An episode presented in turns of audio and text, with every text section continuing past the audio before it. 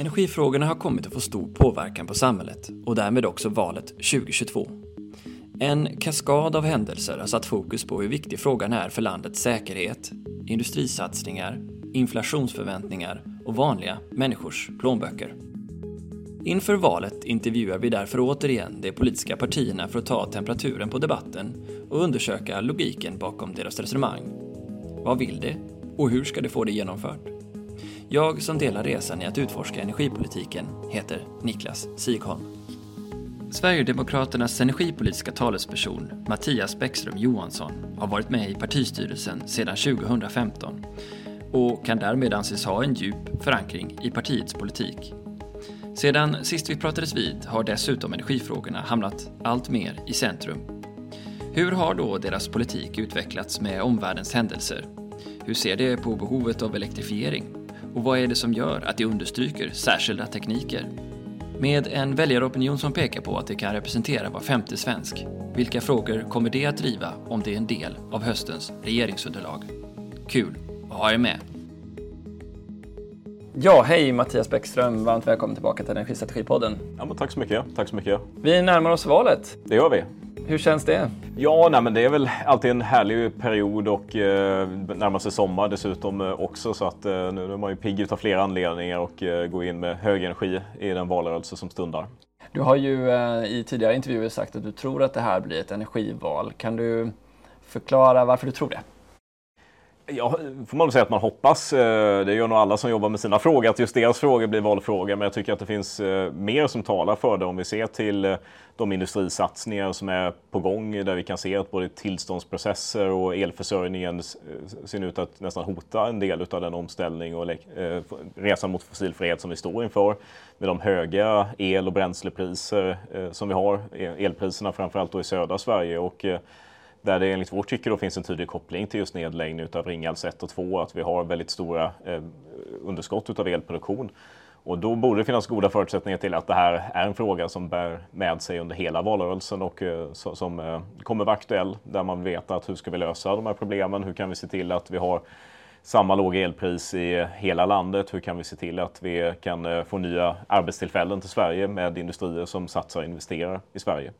Ja, vi hade ju osedvanligt höga priser i vintras med mm. snittpriser SE4 uppåt 1,30 under långa perioder och det har vi ju inte varit vana Vi kom från 2020 med väldigt låga elpriser och nu så ser vi ju en risk för att vintern som kommer kommer med ännu högre mm. priser mm. i SE3 och SE4. Hur har det påverkat politiken som du ser det? Jag tror att man är nog lite chockad av eh, att det har varit ett sånt omslag, att det har gått så snabbt. Att eh, det är väl partier, det är, även jag tycker från vårt håll, från Sverigedemokraternas håll, har varnat just för det här att det finns ingen anledning att forcera nedläggning av eh, Ringhals 1 och 2 där vår uppfattning var ju sedan valrörelsen 2018 att man borde drifttidsförlänga de här, göra nödvändiga investeringar och underhåll för att köra dem vidare under hela den tekniska livslängden och eh, där fick vi ju med oss till slut Moderaterna, Kristdemokraterna och Liberalerna på vårt förslag. Eh, och där var det ju tyvärr bara en röst som skilde för att kunna möjliggöra det framåt. Eh, men, men trots detta så trodde man ju att det skulle inte påverka elpriserna, det skulle inte påverka vår kraftbalans i större omfattning och, och, eller skapa problem. Och nu ser vi att vi är i ett helt annat landskap och framförallt efter då invasionen av eh, Ukraina den 24 februari med den utbudschock som det inneburit också som har bidragit till att elda på de här energipriserna, både då vad gäller el och bränsle där också, men i och med att vi har så stora produktionsunderskott i södra Sverige så leder det ju till att vi kommer tyvärr nu under en rätt så lång period ha höga elpriser. Ja, vad kommer hända ifall elpriset går uppåt en tre spänn i snitt i vinter, tror du, för er i politiken? Ja, nej, det här är ju någonting man måste kunna hantera med att eh, för många människor så förtar det ju guldkanten fullständigt där vi kan se garantipensionärer som kanske fortfarande bor kvar i en villa. En del kanske har haft ett fast elprisavtal och man klarat sig den här vintern men där man kanske får elräkningar på 10-15 000 kronor och eh, det är en fråga snarare om att ska man behöva gå från hus och hem för att elen är så dyr i det här landet eller där vi kan se att många faktiskt har sänkt temperaturen kraftigt i sina hem där det är hundratusentals människor som har frusit den gångna vintern. Eh, och vilket är helt orimligt, otänkbart och oacceptabelt i ett välfärdsland som Sverige. Ja, så läget börjar ju bli akut. Man kan ju tänka sig att det har vi nu haft riktade subventioner från regeringen i år på de här höga elpriserna så kan man tänka sig att ni i politiken kommer bära, mycket, får mycket frågor i alla fall från, från väljarna mm. angående prisnivåerna som förmodas komma till vintern då. Vad, givet att vi är i det läget nu att de här anläggningarna befinner sig i decommissioning, vi har inte tillgång till den här kärnkraften längre. Eh, vad gör vi nu? Någonting som vi lyfte tidigt i höstas när vi såg att elpriserna var på väg upp, det var just att jobba med eh, elskatten. Det är ju en mindre del av de höga elpriserna, men det är ändå någonting där staten kan kompensera med att man får ju ändå en momsintäkt på den elen som säljs. Och eh, staten ska inte vara den som går vinnande ur det här att man ska tjäna pengar på att människor har det svårt och tufft när man ska betala sina elräkningar. Och där tror vi att eh, vi kommer gå till val på just en permanent sänkning och eh, där vi öppnar för att eh, sänka den radikalt Eh, för alla, vilket då eh, åtminstone på marginalen minskar kostnaden för slutkonsument. Men man nog får vara öppen för att titta på att hur ska man kunna lösa det södra Sverige är det möjligt att hitta vägar för den hantering som Norge hade med att staten och eh, slutkonsument faktiskt delar på eh, prisnivån över eh, ja, ett visst pris för att kunna se till att det är mer likvärdiga förutsättningar i hela landet. Det ska inte spela någon roll var någonstans du bor. Nu har vi haft en skillnad på kanske nästan upp mot tio gånger elpriset, vilket är helt orimligt att vi kan ha företag som slås ut i södra Sverige men som skulle vara extremt lönsamma i norra. Vi har människor i norra Sverige som kan kanske i högre grad har råd att värma upp sina bostäder och leva gott medan eh, motsvarande personer med samma förutsättningar i södra Sverige inte har råd att göra det eller rädda för den elräkning som ska komma. Det är ju helt orimligt att vi ska ha de förutsättningarna. Det man kan göra däremot mer i korta perspektivet är ju synd att det bästa hade ju varit att faktiskt driva Ringhals 1 och 2 vidare för att kunna se till att vi har nära på 2000 megawatt tillgängligt, vilket eh, det finns inget annat projekt som har kunnat tillföra den typen av planerbar kraftproduktion på så kort tid i södra Sverige och eh, där eh, borde man tagit som sagt den möjligheten. Vi tror väl att man, nu måste man ju vända på varje, alla stenar som finns här. Vi har en småskalig vattenkraft som är under angrepp med prövningen prövning av den nationella planen där det kan finnas anledning att eh, se över hur kan man stoppa det eller bidra till att man kanske har incitament att försöka höja effekten. Kanske inte då redan till nästa vinter men i korta perspektivet tillföra effekt och framförallt sådan som är planerbar. Man kan titta på kraftvärmen. Finns det anläggningar där som blev olönsamma eller som skulle kunna behöva någon form av eh, starthjälp för att kunna komma igång eh, igen och att man då kan få igång mer effekt i SE3 och SE4 eh, framför allt. Men, men, att det kommer att vara saker som på marginalen hjälper till med det här jämte energieffektivisering och försöker då hålla effektbehovet nere. En del skulle ju vara då eh, man kappar elpriset på något sätt eh, och delar på den kostnaden med staten om jag förstår dig. Mm. Eh, sen kan man ju ha en intressant diskussion om fördelningspolitiska effekter och det mot, om norr kontra söder. Och man, nu ska vara sån. Men om vi släpper det och så kan man också tänka att energieffektivisering så kommer prissignalerna onekligen ge upphov till. Om det blir svindyrt med elen så kommer fler ha intresse av att spara på den. Eh, och sen så kan man också då kanske jobba med ett antal planerbara kraftkällor. Eh, vindkraften då, hur ser ni på den nu? Vi är inte emot i sak att eh, man får bygga vindkraft. Däremot så är det viktigt att det just är de politikerna som är närmast folket som eh, ska avgöra frågan och det är ju i kommunfullmäktigeförsamlingarna runt om i landet. Och där har vi varit starkt negativa till det förslag som regeringen har jobbat med eh, under den här mandatperioden där man vill slopa det kommunala veto som finns i, idag och där det krävs att man har en aktiv tillstyrkan från den berörda fullmäktige församlingen för att kunna inleda miljöprövningen. Och den ordningen tycker vi har varit god då det är en förenkling från eh, den ordning som var tidigare med dubbla processer från eh, innan 2009. Och det leder till att man kan få ett snabbspår in i miljöprövningen. Eh, och då, absolut, man, man, får betala med en del av rättssäkerheten men där det ändå går eh, snabbare. Däremot så ser vi att det är ju svårt att bygga idag, och kanske framförallt i södra Sverige och där det är nästan upp mot eh, 80 procent av eh, ansökningar där man inte får ett eh, ja från kommunfullmäktige. Och, eh, Hur ser du på det? Jag tror att det handlar om att den sociala acceptansen är låg. Man kan inte bygga för nära bostäder eller människor bor. Där finns en oro om hur det påverkar deras närmiljö, de kultur och naturvärden som kan finnas på de här platserna och där man upplever att det har ju en negativ påverkan på eh, kanske de fastighetspriserna för de som är närboende. Och eh, det tycker jag är någonting som man måste ta i beaktande, liksom när man ska bygga nya industriområden eller bygga ut något annat där man har detaljplaner så är det en rätt så omfattande och lång process eh, innan man kan få detaljplaner på plats. Och då, då krävs det att man respekterar de här människornas oro och, och tar det i beaktande. Eh, och här så måste man ju då bättra på den sociala acceptansen där det snarare är så att vindkraftsexploatörerna måste jobba mer med lokalbefolkningen för att se finns det möjligheter och öppningar för att hitta platser, eh, jobba med ersättningsfrågor för att då höja den sociala acceptansen. Jag tror att det, det spelar ingen roll med projekt oavsett. Du kan inte bygga saker eller driva saker mot folket utan du måste ha folket med dig om du ska kunna få till en förändring eller möjliggöra att du ska kunna bygga din verksamhet. Jag hade en samtal med, med Seskin som är VD för Kraftringen mm. som ju är ett stort bolag i flera kommuner i, i södra Sverige, i Skåne. Och eh, de ser ju också en dubblering av elbehovet. Alltså mm. det, inte bara att bygga tillbaks befintligt och säga att vi hade haft de 2000 megawatten från kärnkraften kanske hade varit bra, men det räcker ju inte. Vi behöver liksom mm. väsentligen mer och den industrin jag träffar de vill ju gärna hitta områden där det finns god tillgång till, till effekt. Och hur ser, varför är inte incitamenten tillräckliga för de kommunala politikerna att se att en, en, god tillgång till effekt och en ny stor vindkraftpark skulle kunna ge nya industrietableringar och nya, nya jobb?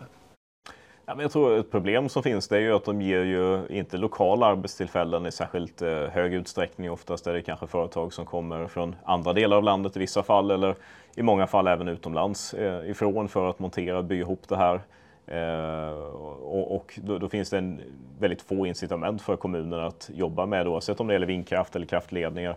Eh, så, så eh, har man ju mer nedsidan av det att det påverkar den lokala eh, miljön och naturen. Men eh, man får ju inte då arbetstillfällen eller skatteintäkter tillbaka som gör att man kan göra satsningar lokalt. Däremot så kan det ju kanske gynna en region eller vara viktigt för landet nationellt. Men eh, man ska ju också då ha förutsättningar att det är ju de, man jobbar ju för människorna som bor närmast dem och eh, i kommunen och då tycker jag det är rimligt att man ändå tar deras synpunkter i beaktande och att det ska vara tungt vägande skäl när man fattar beslut. Blir du inte väldigt glad då när du läser om Ånge kommun som får ett nytt ställverk och öppnar upp en industripark där de får jättemånga ansökningar och nya eller Uniper som gör satsningar uppe i Sorsele som också är ju tack vare att de har tillgång till effekt och Du ser flera mindre städer runt om i Sverige som får liksom en, en stark industrialiseringsvåg tack vare att de får tillgång till, ja, just i det här fallet då, vindkraft och nya ställverk. Ja, nej, men jag tror just absolut blir glad för när man bygger ny industri eller industriella verksamheter i Sverige. Det är ju någonting som vi är glada för. Men jag tror att just problemet med vindkraft är väl att det är väldigt få arbetstillfällen om man tittar på Eh, ja, oavsett om man tittar på installerad effekt eller levererad energi så är det väldigt få arbetstillfällen där eh, jämfört med kraftvärme eller kärnkraft eller vattenkraft. Eh, och det tror jag är sånt man lägger i beaktande också för på motsvarande sätt så är det ju kanske inte särskilt vackra byggnader om du ska ha ett eh, massabruk. Eh, det luktar illa och så vidare. Men att det sätter ändå den här lokala eh, klichén om att det, det är doften av pengar och att det är någonting positivt över det. Och jag tror att det är ju den kopplingen till arbetstillfällen som saknas. Eh, så du är inte så säker på kringeffekterna som effekten ger alltså? Utan det är industrin som etablerar sig, alltså det, det är jobben i den kraftproducerande verksamheten du tänker på då? Ja, nej, men det, jag tror det där är ju någonting som ligger i beaktande för kommunerna när man prövar det. Eh, absolut. Ha, Okej, okay. så ni är inte emot vindkraft men ni är å andra sidan då också för det här starka lokala. Vad, vad, är det för incitament och du tror politiken behöver för att öka på utbyggnaden? Givet att vi är överens om att det behövs en stor utbyggnad alldeles oavsett eh, teknikval. Ja, nej, men det ska ju tillägga att Sverigedemokraterna emotser verkligen att vi har denna utvecklingen utav resan resa mot fossilfrihet där elektrifieringen är en bra väg. Då vår kraftsektor redan är fossilfri sedan lång tid tillbaka så att det är en styrka jämfört med många andra länder eh, som måste både ställa om i sin energisektor men även då i andra sektorer också för att kunna eh, komma ens i närheten av vår grad av fossilfrihet. Det som eh, däremot är fallet eh, när det kommer till eh, kommuner, etablera verksamhet så är det ju att det finns väldigt dåliga incitament, vilket handlar oavsett om det är en kraftledning eller om det är Eh, just vindkraft eller andra verksamheter. Och där har ju vi sedan lång tid föreslagit att man borde exempelvis regionalisera fastighetsskatten, titta på hur kan fastighetsskatten gå tillbaks till lokalsamhällena och skapa incitament att faktiskt förbereda mark eh, och detaljplanera för det om det handlar om industrier eller andra verksamheter. Men, men även då kanske hitta platser i vindbruksplaner som skulle kunna fungera och där man vet att det finns ett starkt stöd för det. Och då jobbar man ju mer med eh, folket. Man jobbar på att öka den sociala acceptansen istället för att gå fram med en piska och tvinga på kommuner någonting som man inte vill ha. Utan här gäller det att hitta morötter för att hur kan vi stärka eh, just viljan att vara med på den här resan för att eh, jobba med en ny, nyindustrialisering. Hur kan vi få till mer kraftproduktion och, skapa en vilja att vara med på det tåget? Kan du ge exempel? Hur mycket skulle det ge en, en, en kommun som bidrar med mycket effekt in i det svenska systemet? Den lösning vi har tittat på är ju en regionalisering, att gå till regioner som har ju ett utvecklingsansvar och där kommunerna ligger ju bakom dem och där det finns ju möjligheter att eh, på olika sätt fundera på vem som ansvarar för vad. Och, eh, där så har det ju varit i, i storleksordning om man tittar för just norra delen av Sverige som kanske ofta ses i utjämningssystemet som bidragsregion eh, och så vidare. De skulle ju bli stora vinnare i ett sånt här system i och med att en stor del av välståndet, vår export skapas ju i de här delarna av landet. Både med eh, järnmalmen och stålet, med eh, skogen och inte minst då kraftproduktionen eh, som vi har. Och där skulle det vara i storleksordningen att det, det är rätt så stor del av den regionala skatten man faktiskt skulle kunna sänka. Sen så kan man alltid fundera på detaljer, hur det ska vara utformat och så vidare. Men vi tror att en stor del av lösningen ligger ju i de bitarna för att vilja vara med och industrialisera Sverige. Hur mycket el tror du Sverige behöver? Det är ju lite av en sifferlek där, där många vill trigga varandra till att gissa och där man helst ska försöka höja den här nivån i gissningsleken mer och mer. Jag tror att eh, när vi satt i Energikommissionen under förra mandatperioden så tittade vi på de två tidigare energikommissionerna, att vilka bedömningar har man gjort över den framtida elförbrukningen och eh, båda eh, de energikommissionerna eh, tippade att den skulle öka kraftigt, elanvändningen. Eh, utfallet i verkligheten var båda gångerna att den blev mycket lägre än vad man faktiskt trodde och jag tror att det är nog mer riktningen som är viktig för politiken att ta med sig och faktiskt skapa förutsättningar för att eh, det ska inte finnas något övertak men att det, det är bra och att man bör emotse den här ökade elanvändningen och se till att det är möjligt med överföringskapacitet, med produktionskapacitet och sen se till att det finns marknaders marknadskrafter som driver fram det här än att det ska bli panikat och att det är politiker som ska kliva in och försöka lösa det kortsiktigt, vilket nästan alltid leder till olika former av återvändsgränder. Det måste vara en svår balansgång för er som politiker, givet att, då att du säger att vi skulle å ena sidan kunna intervenera på marknaden genom att sätta ett pristak på elen, för då blir det för svårt för folk att eh, betala för uppvärmning av sitt hus om man nu råkar ha el som uppvärmning då. Eh, å ena sidan Å andra sidan då vilja vara så marknadsdrivna som möjligt. För man skulle då kunna argumentera med det och säga att ja, men den här prissignalen vi kommer få, eh, kanske nästa vinter, den kommer ju sätta igång eh, jättehöga krav och önskemål på ny effekt i regionen och även besparingar som är bra. Men det blir det för mycket. Å andra sidan så behöver du då också lösningar som är marknadsdrivna för att inte få då andra nackdelar, så som ni har kritiserat exempelvis om vi bygger ut jättemycket vindkraft till havs så får vi lägga den kostnaden för det nya stamnätet där ute på skattebetalarna genom elnätsräkningen. Nej, det, det, kommer ju vara en period där man ska zigzacka sig ut. För det, det, vi tror är viktigt att eftersöka är just en likvärdig konkurrens mellan kraftslagen. Och eh, där så finns det ju kraftslag som vind och sol som har varit subventionerade under lång tid och man inte varit lönsamma. Jämte att man har straffbeskattat både ja, vattenkraften, kärnkraften, vi har avfallsspänningsskatten som man återinförde på kraftvärmen och som har ju haft en direkt skadlig inverkan på vilken effekt vi kan eh, ta ut från den eh, när vi hade lägre elpriser. Och som nu biter oss ju lite eh, där bak när, när vi nu har höga elpriser. Och det är kanske svårt att ställa om eller man har gått ifrån en verksamhet man hade tidigare. Och eh, det, det gör att det finns ett behov av att mildra konsekvenserna för slutkonsument, för näringslivet i stort i och med att då, då låter vi skadeverkningarna driva på både den inflation vi är inne i nu men även skadar ju vår konkurrenskraft för svenska företag där just låga priser på el eller relativt låga priser på el har ju varit en stark konkurrensfördel. Eh, sen får man ha med sig att eh, tittar man på eh, den politiska styrningen som har varit utav eh, Vattenfall så är det ju att när vi gick in eh, sommaren 2014 så var deras plan att bygga ersättningsreaktorer för eh, framförallt då Ringhals 1 och 2. Eh, men när man fick en rödgrön valseger så skrev man i den första budgetpropositionen en uttrycklig order till bolaget att man skulle avbryta det arbetet, vilket var ju den tilltänkta ersättningskraften för den som har försvunnit nu. Och, eh, det är politiken som har fört oss in i den här återvändsgränden och där behöver vi någonstans skydda konsumenterna när vi ska ta oss ut ur den. Men verkligen jobba med att eh, likvärdig konkurrens, eh, en elmarknadsmodell som mer fokuserar på de nyttor som polit politiken definierar. Jag tänkte på en sak du sa i en annan intervju där du sa att du lyssnar på, på näringslivet. Och jag är ju runt en del bland näringslivet också och framförallt tänker jag på de här stora investeringarna som ju då kan generera miljardinvesteringar i Sverige och tusentals jobb. Det är ju framförallt, mm. det är inte bara i Norrbotten, det finns ju längs hela kusten eh, sådana förslag. Eh, och alla de önskar ju sig vindkraft. Vad tänker du, vad tänker du kring det? Att industrin är så tydlig i sin efterfrågan för att de vill ha hastighet i utbyggnaden av ny energi. Kanske gärna med önskemålet att det blir långa perioder med väldigt låga priser. Jag är nog inte helt övertygad om det. Det finns företag som eh, poängterar just förnybart i det hela. Eh, sen om man då drar det ytterligare ett steg så kan man ju titta på att eh, med gröna krediter, med krav om att man ska ha förnybar el för att då kunna få låna pengar billigare och så vidare, då finns det en politisk koppling i andra änden. Hade motsvarande politiker på EU-nivå sagt att ah, det är fossilfritt, då får man låna eh, billigt och så vidare. Ja, då är jag helt övertygad om att det hade varit fossilfritt som man har fokuserat på. En del företag har ju redan börjat ställa om lite i sin argumentation och sätt man marknadsför det till att tydligt koppla det till fossilfrihet och säga fossilfritt istället för förnybart. Och det finns ju en stor politisk sprängkraft i att är det förnybart eller fossilfritt man säger. Men jag tror den starkaste kopplingen till att man just poängterar förnybart är ju möjligheten att låna kapital billigt, vilket är ju politiker som har definierat. Och eh, där så tror jag att det finns ingen skiljelinje bland företagen. Bara den är hållbar och har en liten påverkan på klimatet i termer av utsläppet av växthusgaser.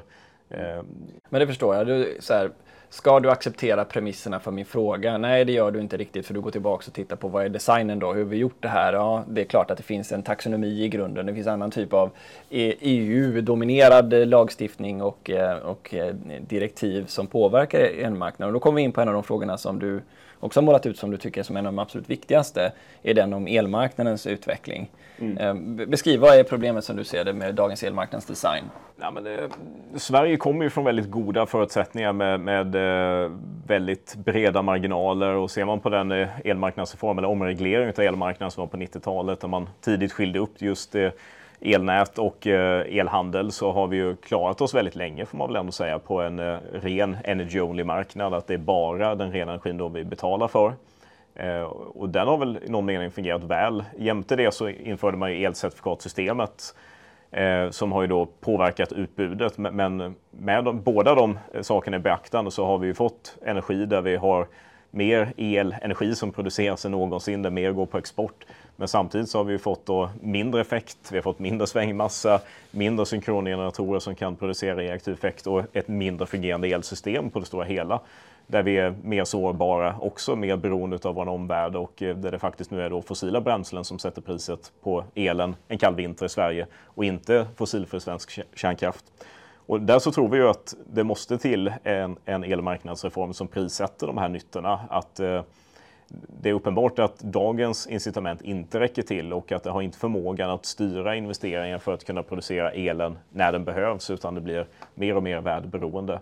Och det är ju någonting som kommer skada vår konkurrenskraft, eh, skada hushållens förutsättningar att kunna leva drägliga liv oberoende av vädrets förutsättningar. Och där, tycker vi att det vilar ett stort politiskt ansvar att ta tag i det här för att kunna se till att det finns en långsiktigt hållbar lösning.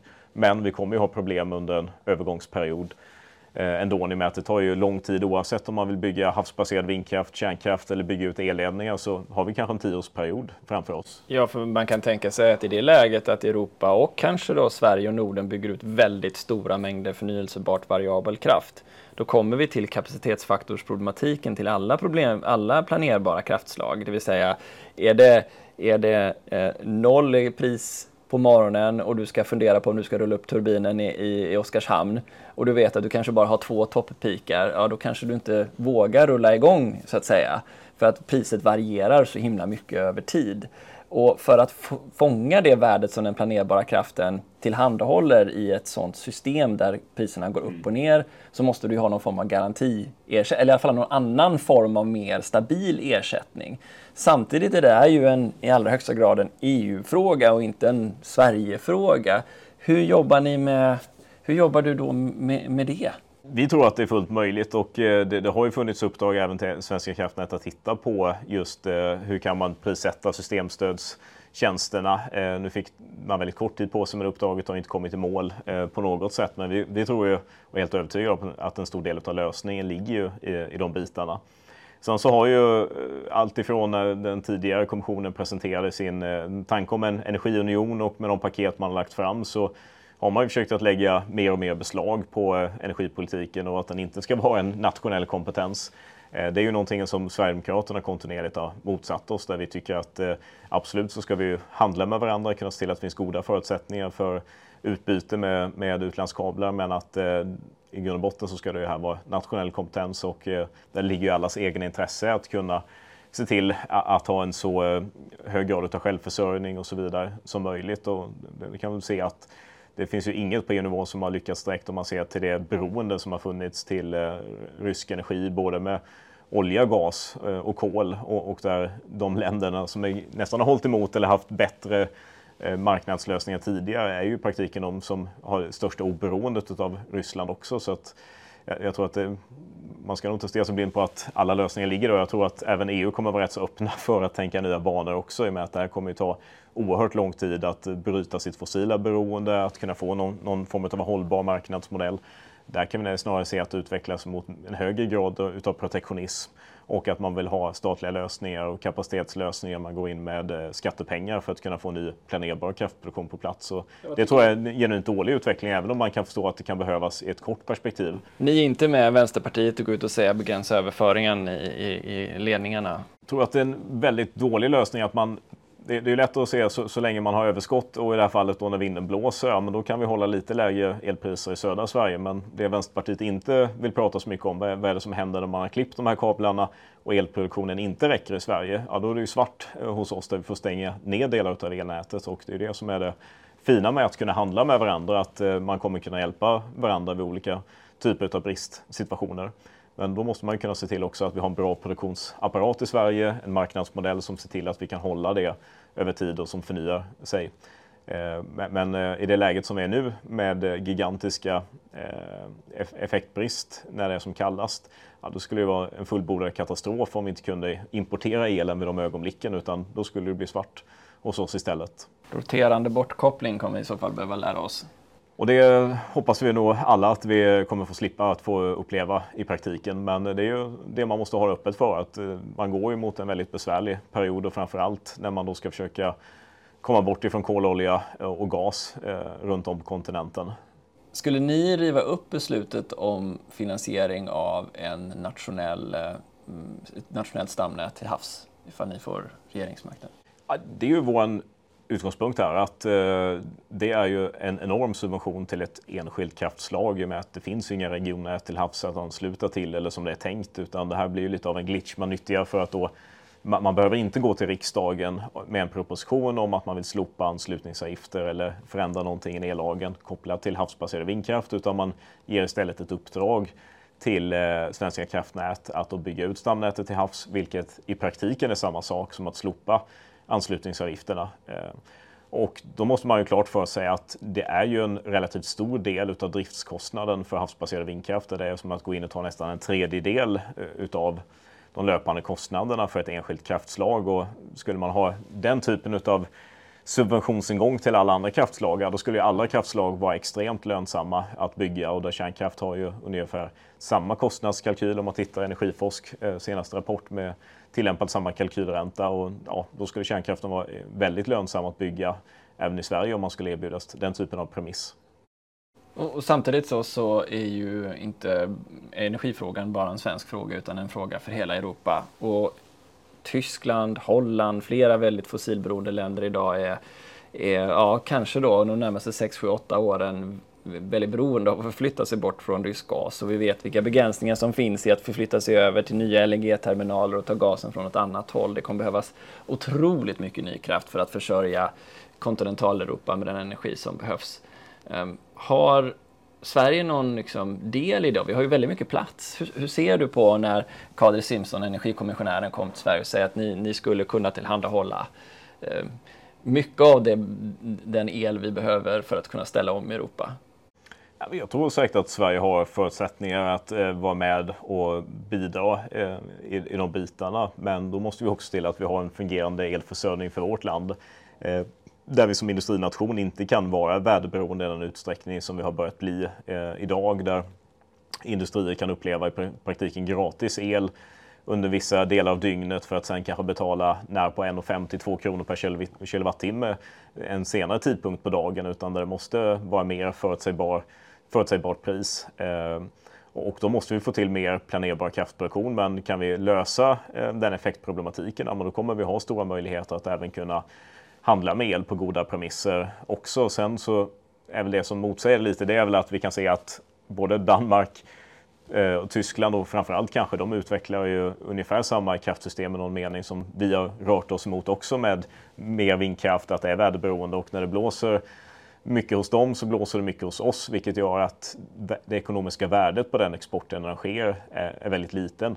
Och där hade vi bättre nog sett att vi hade kunnat få avsättning för den elen i Sverige i första hand och att vi kan exportera från planerbar kraftproduktion när då behovet är större hos andra länder men där de inte har förmåga att producera el och där man då kommer kunna leverera mer från planerbara.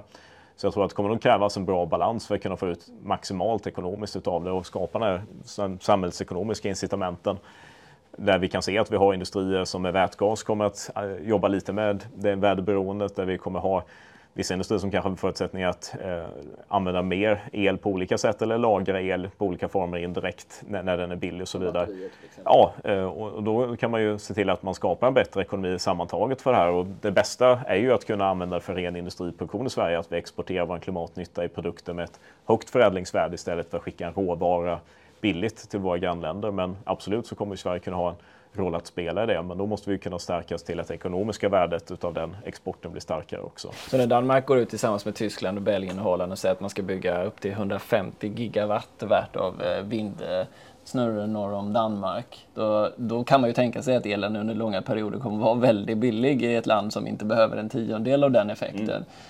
Hur ser du på att andra länder går den vägen? Är det, riskerar vi inte vår konkurrenskraft gentemot dem?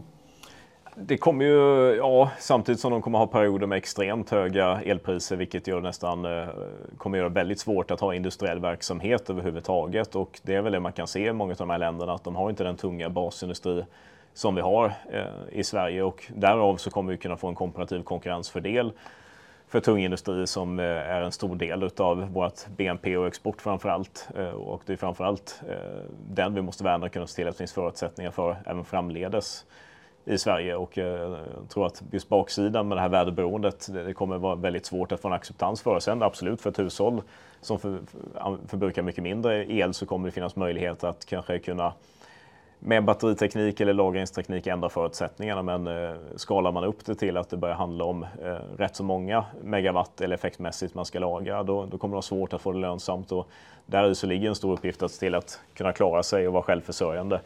Eh, för vårt problem blir ju om vi ska göra oss beroende av den importen, då är det ju andra som avgör på samma sätt som Ryssland har avgjort för Tysklands del. Att ska man behöva frysa den kommande vintern eller inte? Ja, det, det, sitter en galen diktator på den makten och det är ju den typen av beroende man inte vill försätta sig i. Sen sätter man sig hellre beroende till danska givetvis, men att eh, jag tror att det finns ett stort värde i att ha med sig den biten, att det är en beredskapsfråga, att det, det ska vara vi i Sverige som avgör, ska vi kunna ha förse oss med el eller inte och att det är ju någonting att eh, trodde man inte på det innan den 24 februari så tror jag att det, det är nog någonting som borde ha sjunkit in vid det här laget. Du och jag har ju båda jobbat länge med kärnkraft och i kärnkraften. Och vi, jag tänker att då är vi liksom hyfsat eh, insatta i tekniker runt hur kärnkraft och lättviktsreaktorerna fungerar. Och vi vet att vi skulle kunna bygga samma typ av anläggningar som vi har idag, så som Finland gör. Är det, är det det du ser framför dig att Sverige skulle behöva göra? Givet att, ja men vet, jag har ju också pratat med professorn i reaktorfysik från, från KTH som ju själv bedömer att eh, om du ska ha små modulära reaktorer i någon form av ny teknik som förändrar mm. kraftigt läget för halveringsgraden av, av det plutonium och uran som är kvar efter själva eh, eh reaktionen, eh, ja då är det 15 20 år bort som är rimligt. Eh, ser du inte samma bild som jag? I så fall, vad, vad ser du? Ja, men fjärde generationens kärnkraft det, det ligger ju längre bort och dessutom behöver vi ju även plutoniumfabriker för att kunna upparbeta det bränslet eller för att kunna starta. Och det, där tror jag att det är bra att forska och se till att vi är ledande på det för att det är ju kanske i grund och botten inte bara energipolitik utan en bra miljöpolitik. Att vi kan eh, ta och få ut mer energi utan något där det mesta av energiinnehållet är kvar och minska farligheten. Det är det som vi tänker gräva ner eh, i backen som det ser ut idag uppe i eh, svenska urberget i Östhammar. Däremot om man tittar på SMR-teknik då med nytt bränsle där man inte har för avsikt att återanvända sedan tidigare använt kärnbränsle så går det ju väldigt snabbt fram där vi kan se Rolls-Royce som har en, en större eh, SMR-reaktor där man tror på ett myndighetsgodkännande redan till 2024 och att ett antal år innan 2030 kommer den första vara på plats. Eh, där vi har Anita-projektet Sverige där man också har som en svensk målsättning att senast 2030 ska den första SMR-reaktorn vara på plats. Och eh, kopplat till att globalt sett så är ju genomsnittstiden att bygga en stor reaktor sju år så tror jag att det är fullt möjligt i alla fall att eh, någonstans bortom eller nära kring 2030 så finns möjligheten att eh, få det på plats och där man med fördel då kan bygga den där efterfrågan på el är som störst, vilket också då möjliggör att vi behöver inte bygga ut överföringskapaciteten lika mycket, vilket är ju den viktiga biten i andra änden. Att eh, bygger du mycket vindkraft, eh, ja, då behöver du mycket mer Eh, elledningar, vilket för slutkonsumenten eh, då, då har ju betydelse med att man ska betala både för distribution och produktion. Mm. Och här så kan man då minska kostnaden i ena vågskålen. Men det är samma typ av teknik tänker jag. Det är ju vattenkylda reaktorer och de är ju rätt så stora ändå även om de producerar 300 megawatt. Är det, är det värt att satsa på den tekniken innan dess att det har kommit andra alternativ. Alltså det finns ju den här eh, vågforskningen också kring, eh, kring kärnkraftsutvecklingen som finns i USA som man satsar en hel del ja, på. Jag tror med lättvattenreaktorer att jag tror att tiden med att bygga eh, stora reaktorer är, är nog över i stort i alla fall och är nog inte det som kanske Sverige nödvändigtvis eh, kommer behöva. Och det, det finns ju inget egenvärde egentligen med något kraftslag utan det är ju snarare i termer av politiskt sett att funktioner, vad kan man bidra med? Det finns inget egenvärde i energiförsörjning heller utan det är först i ledet som det får ett värde för en nation och där måste vi se till att vi inte har elbrist för svensk industri, inte elbrist för de svenska hushållen eller sådana prisnivåer som håller tillbaks näringslivets konkurrenskraft. Eh, så även om den är till, till, ytan och storleken lika stor som det vi klassiskt kallar för ett, liksom ett kraftvärmeverk i Sverige och bara är 300 megawatt så ger den fördelen av att den går snabbt att bygga och det tycker du är... Den kommer gå relativt snabbt att bygga. Ser man markanvändningen som behöver tas i anspråk så det är ändå avsevärt mindre om du skulle bygga eh, en större vindkraftspark på motsvarande effekt i södra Sverige och vilken påverkan det har eh, för lokalbefolkning och så vidare också. Och att eh, den är planerbar framför allt, att kunna få den på plats där du kan minska behovet av att bygga ut överföringskapaciteten kraftigt. Och då vill ni alltså bygga nya kärnkraftverk på befintliga sajter? Ja, vi, vi, tycker politiskt att det är ju besvärande att regeringen har lagt väldigt mycket energi, tid, kraft och pengar på att just snabbutreda, ta bort det kommunala vetot, där det faktiskt är ju tillåtet att bygga vindkraft i alla kommuner och det är fullmäktige som bestämmer. Medan för kärnkraften så är det ju faktiskt förbjudet i 287 av 290 kommuner att bygga i det elprisområde som har de högsta elpriserna, då är det ett hundraprocentigt förbud. Det är helt förbjudet att bygga ny kärnkraft i alla kommuner. Det rimliga om man har en marknad, det är ju att marknaden ska avgöra var behövs investeringarna, var gör de som störst, störst nytta? Och då har man förbjudit att bygga ny kärnkraft där el, elbehovet är som störst, elen är som dyrast och där marknaden rimligtvis hade pekat ut behoven i första hand. Eh, och det borde vara en första del i det, att dels ha en politisk målsättning om att kärnkraft ska långsiktigt få finnas i Sverige. Det ska vara möjligt att bygga där behoven finns och där marknaden avgör att man vill bygga. Men givetvis så ska vi ha kvar det kommunala veto som är, också finns för kärnkraften, för det är ju någonting som inte regeringen pratar om. Istället så är man ute och har ljugit om det, att det finns inget kommunalt veto för kärnkraften. Vilket är ju en direkt lögn, utan vi ska ju samma spelregler för kärnkraft och vindkraft och där så finns det ett absolut kommunalt veto också för att bygga kärntekniska anläggningar i en kommun. Mm.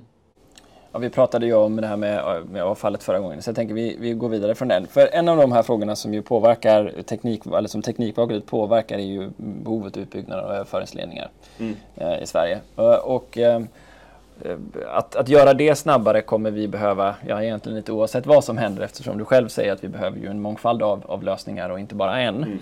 Mm. Um, och så har vi haft ett gäng utredningar, allt från Comet-utredningen till nu Klimaträttsutredningen som har pekat på um, ja, behov av standardisering av ett antal frågor. Vad är viktigast där för att sänka hastigheten? Eller tycker ni det och i så fall vad är viktigast för er?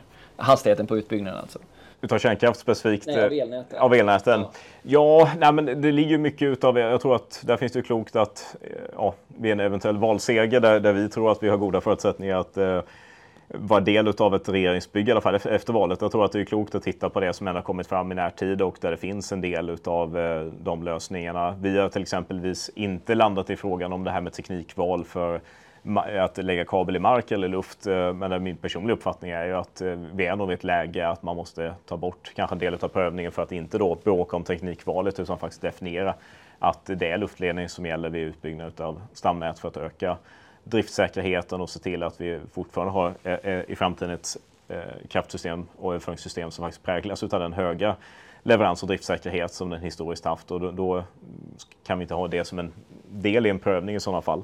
Eh, men det är mycket av det här att miljöpröva verksamheter, eh, fler gånger. Vi kan se det här med ändringstillstånd och liknande, hur man mm. då ska ompröva hela befintliga verksamheten. Och där, där finns det mycket eh, utav de envägarna som jag tror är ju, eh, viktiga att se till att det är genomgripande på alla nivåer. Jämte då det som man har eh, i utredningen här landat i och som fortsatt kommer pågå det arbetet. Men sen tror jag, om man ska vara helt krass, att eh, det, det, är nog en klok idé när man nu har försökt att eh, från, från Svenska kraftnät kanske mer skilja på verksamheten med de som driftar det befintliga stamnätet och de som ska utveckla och exploatera de utbyggnader som kommer att behövas. Så att det är ju en liten kulturfråga att man har inte eh, det med sig att det är länge sedan vi hade de här stora utbyggnaderna och att det är uppenbart att Svenska kraftnät som organisation inte riktigt har mäktat med att jobba de här processerna. För det handlar mycket om i samrådsmöten att kunna jobba med lokalbefolkningen och eh, jag har bara exempel hemma vid från där man vill bygga ut eh,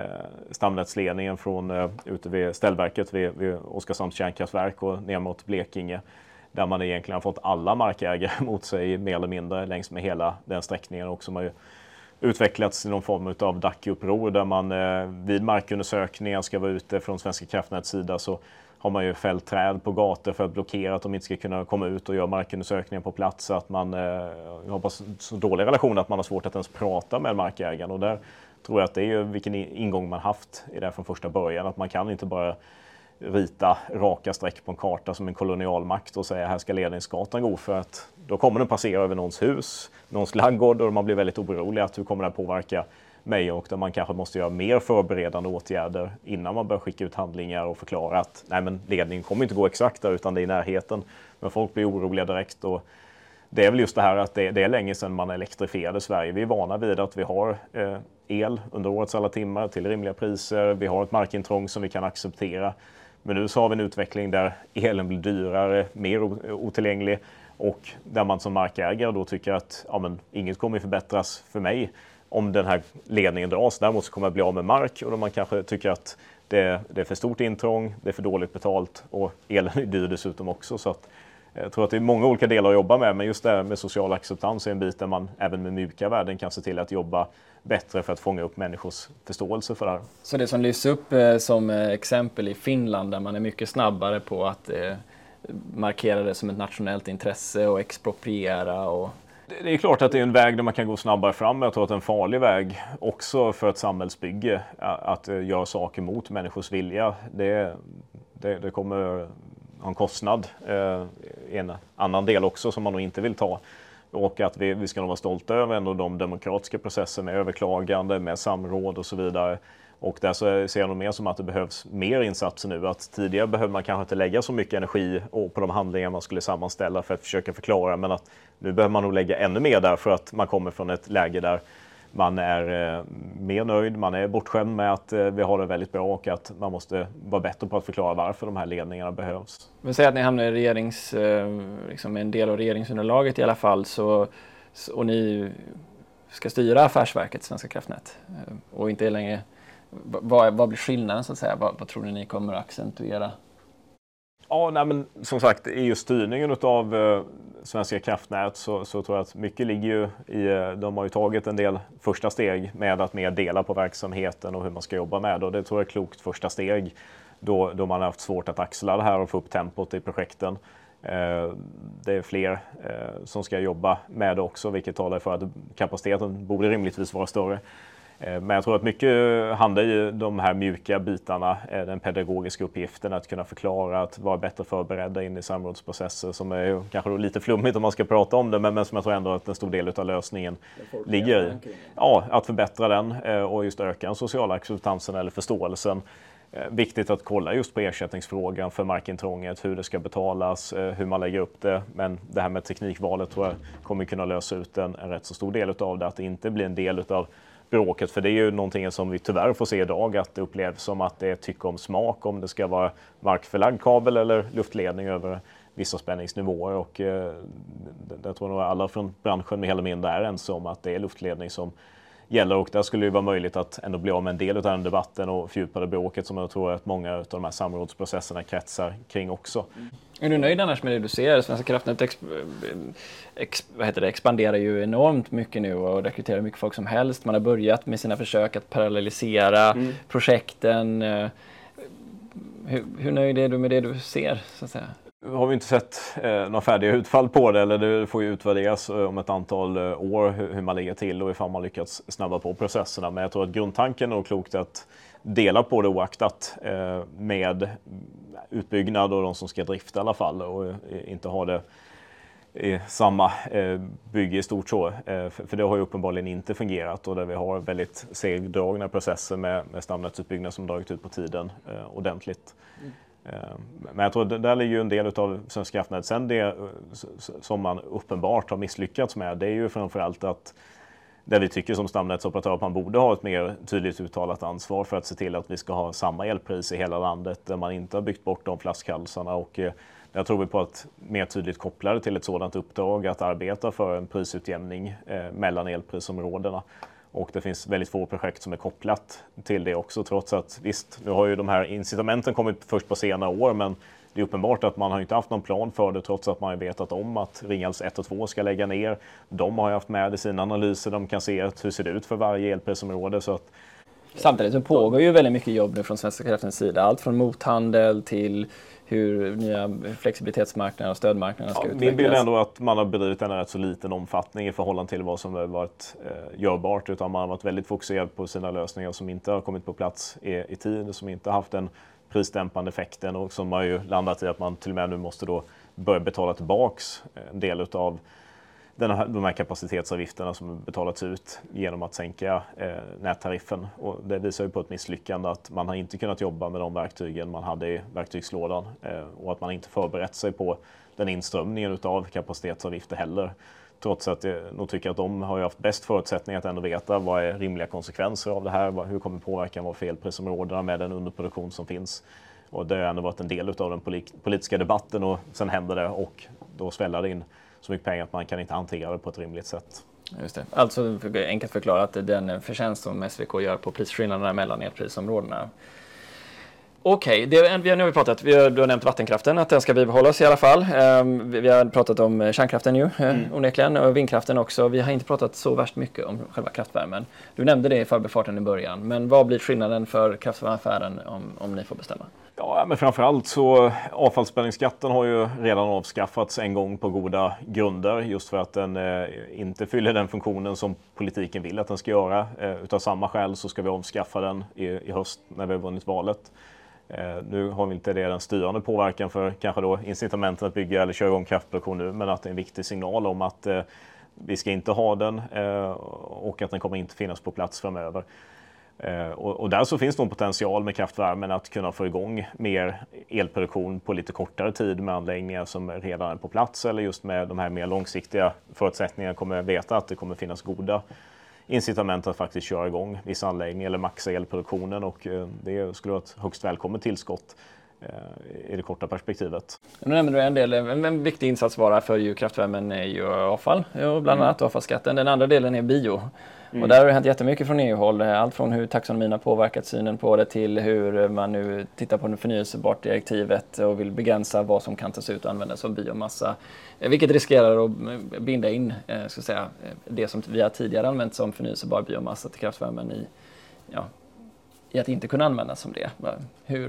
Det är ju väldigt olika perspektiv. Ser man skogsfrågorna stort så är ju Sverige, Finland daghästar och där det, det, skogsfrågan är viktigt att göra till nationella frågor och inte låta EU-byråkrater eh, och EU-politiker från andra länder som inte är vana vid den typen av brukande av skogen som vi har eh, i Sverige. Och det här är ju någonting som givetvis riskerar att eh, hota en del av den förnybara elproduktionen via kraftvärmen som man kan ha tillgång till. Sen så är det en stor efterfrågan på biomassa stort också. Att det är väl en fråga också, att ska vi ha den för elproduktionen eller andra användningsområden eh, också, där, där intresset är stort för många sektorer att kunna använda eh, olika delar, men, men, där den absolut har ett stort värde i att eh, åtminstone fungera för både värme och kraftproduktion och eh, om inte, om inte minst som just i en, eh, en återvinningsdel, att man har det som energiåtervinning med det som är kvar. Eh, Eh, och där så är det viktigt att Sverige ligger på eh, från regeringen, från riksdagen och man skickar ner eh, ministrar på möten att framhålla just vikten av det och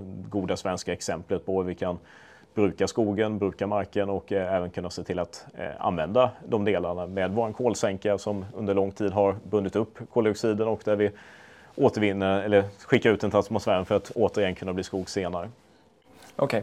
så om vi nu kommer till ett läge nästa vinter där vi har igen en, samma situation med en stor brist på el, då, då kommer vi alltså se en, en, en eventuell förslag på skattereform från er sida för att se till kanske att till och med kappa elpriset på vissa sätt för att dämpa eh, liksom effekterna av det. Och vi kommer också se en satsning på eh, en ytterligare sätt att, att regionalisera eh, incitament att både bygga kraft men också att eh, acceptera ledningsgator. Eh, och samtidigt så kommer ni då eh, om jag försöker saken rätt, att, att förbättra kraftvärmens förutsättningar, vara väldigt tydliga med all planerbar kraft. Det gäller även vattenkraften, att säkerställa att den får bibehållas i syftet att tro att, att det är så vi bygger det mest hållbara els och energisystemet i Sverige. Har jag sammanfattat ungefär det du sa då? ja, det tycker jag låter som en uh, bra sammanfattning även om det finns fler detaljer. Men det tycker jag är en bra övergripande sammanfattning. Ja. Då antar jag, vi kommer så här, mm, vi kommer inte se riktade subventioner så som vi har sett från regeringens sida att man får x antal tusen kronor per kilowattimme om man är en elförbrukare över 2000 kilowattimmar per Alltså det, det, förslaget har varit dåligt med att det har inte skyddat mot eh, höga elpriser per se eller haft den kopplingen och så. Sen eh, så landade vi i ett senskede ändå att vi ska inte stoppa pengar som är på väg ut till eh, konsument eller slutkonsumenten som har räknat med dem. Men att eh, det fanns ju ingen god tanke bakom att det skulle skydda konsumenter mot höga elpriser utan du kunde ha låga elpriser men använde mycket el och då kunde du få gratis el mer eller mindre den gångna vintern så att pengarna hamnade på fel ställen. Men det blev som en hagelsvärm att ja, någonting träffade i alla fall men det mesta träffade ju förmodligen inte där det skulle. Och det här är ju någonting som normalt sett inte ska finnas eller förekomma och det, vi har varnat för att vi, vi ska inte jobba med sociala åtgärder för att då eh, kompensera för en dålig energipolitik. Men, men, problemet är ju nu att vi har ett antal år framför oss som riskerar att slå ut eh, småföretagare eh, eh och, och, som urholkar deras konkurrenskraft. Eh, och, men även då för hushållen där vi kan se att eh, eh, framförallt kanske då pensionärer som har det tufft kommer ju inte få den kompensationen i pensionshöjningar att man kanske då kan betala 2-3 tusen kronor mer i månaden för en elräkning och som ska vara under ett antal år framåt. Och då måste man ju kunna se till att faktiskt skydda konsumenterna, se till att vi upprätthåller vår konkurrenskraft och att det, det är inte är de som ska få behöva betala för att man har fört en dålig energipolitik. Sen så hänger det ju samman med då vad man lyckas med för åtgärder som då kommer dämpa det behovet. Ja men precis, men det är så som du beskriver och som jag tror många håller med dig om, det är att det kommer ju bli väldigt bråttom då att bygga ut ny effekt. Mm. Det, innebär ju då att jag antar att ni i så fall hoppas på att ni ganska snabbt kan komma igång med intressenter som, som vill bygga ut eh, SMR i Sverige. Ja, nej, men det, jag tror att det handlar om att inte stänga dörren för något. Det är väl det problemet som vi upplever idag. Att ja, men om du öppnar den dörren, tror du då att det, tror, då måste ni också hoppas på att det finns ordentligt med finansiärer som är beredda att gå in och, och, och driva den. Om det nu inte är vind, säg, så måste vi ju ändå ha effekten snabbt på plats för att komma ur problemet. Ja, nej, men jag tror, alltså, och vi är ju inte emot något fossilfritt kraftslag, men det problem vi kan se idag är att det råder inte likvärdiga konkurrensförutsättningar mellan kraftslagen. Regeringen vill gå in och subventionera en tredjedel av kostnaden för havsbaserad vindkraft. Eh, frågar man regeringen vad ska byggas, ja då är det enda svaret havsbaserad vindkraft. Där har man ju låst sig till ett enda kraftslag, att det måste vara lösningen. Och sen så bryr man sig inte om hur andra kraftslag, vilka konkurrensförutsättningar de har och så vidare. Och jag tror, jag tror ett problem där det är ju att vi ska inte stänga några dörrar utan vi ska se till att det blir en likvärdig konkurrens mellan de olika kraftslagen. Då kommer det finnas incitament att investera i den effekt som vi behöver, den elproduktion som vi behöver. Och det går inte särskilt snabbt med havsbaserad vindkraft heller. Om vi ser till de här två åren man har pratat om så är det ju en chimär att eh, Kriegers flak som den, man gav ett ändrings, godkända ändringstillståndet för nu, eller förlängde tillståndet för här nu senast, där har det tagit 20 år och eh, där Vattenfall nu säger att framåt 2025, 26, 27, 28 någonstans, ja, då kan man tänka sig att fatta beslut om det här och där det kanske då är en tioårsperiod fram från idag och det är vad det gör, eh, tar att bygga ny kärnkraft också. Det var det jag ville komma till, för det måste ju bygga på, eftersom eh, ett viktigt argument från regeringens sida är ju hastigheten just. Och säga att det här kommer gå fort att bygga ut. Men, men du svarar ju på den frågan nu de säger att ja, det, det, finns ingen skillnad i hastighet. Nej, jag, jag tror tyvärr, det, det är ju det som eh, regeringen eh, och Socialdemokraterna inte riktigt har insett att det tar 10 till 12 år med ledtider bara i tillståndsprocesser för att bygga nytt elnät.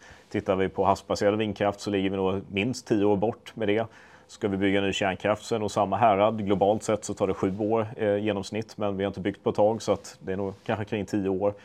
Vilket innebär att egentligen, eh, ja, ska vi bygga ny vattenkraft så är det nog kanske svårare än så också, men som förmodligen också skulle ligga i storleksordningen tio år bort.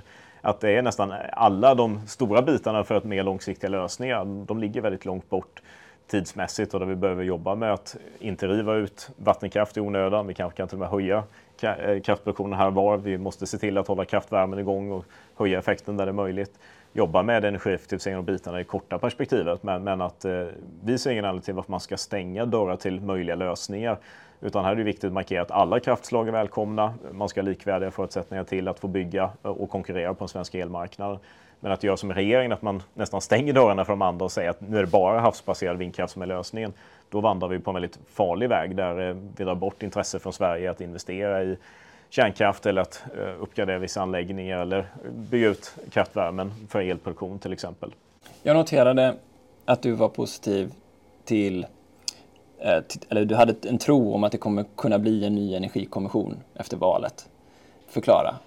Ja, men, eh, ska man vara krass lite sådär att nu är det kanske väldigt mycket politisk konflikt i energipolitiken. Kanske, eh, kärnkraften är väl kanske en, alltid en central linje vattendelar bokstavligen talat. Men eh, det förutsätter ju någonstans, och det, det, var ju lite den invändningen vi hade mot eh, den överenskommelsen som slöts förra gången, att det var en rätt så bräcklig majoritet och där det skulle räcka med att ett fåtal partier lämnade så skulle den ha väldigt svagt stöd i kammaren och det var ju precis det som hände efter valet, att den höll ju inte ens i fyra år som är ju normaltiden för en mandatperiod.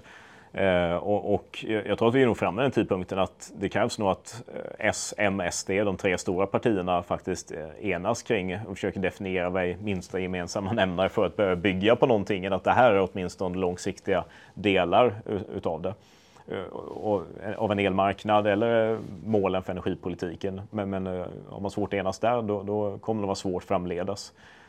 Sen så kan vi se att eh, jag tycker nog att S ligger närmare att det är lite upp till dem. Eh, att vill man göra eh, politiskt spel utav energipolitiken bara för att kunna veta att man ska ha Vänstern, Centerpartiet och Miljöpartiet med sig? Är man verkligen beredd att offra förutsättningarna för svensk industri och industrins konkurrenskraft i Sverige för att bara kunna få nycklarna till Rosenbad när vi på andra sidan har ett lag som är väldigt överens i många olika delar och där man inte ligger jättelångt ifrån? Eh, som vi tycker att det borde kunna vara lätt att kunna enas och där vi kan se att IF Metall och många av LO-förbunden har ju uppfattningar som ligger närmare oss än faktiskt Socialdemokraterna också i vissa bitar. Ja, vi får se hur det blir och vad se. de tycker om det. Du, tack så hemskt mycket för att du var med i Energistrategipodden Mattias. Tack så mycket.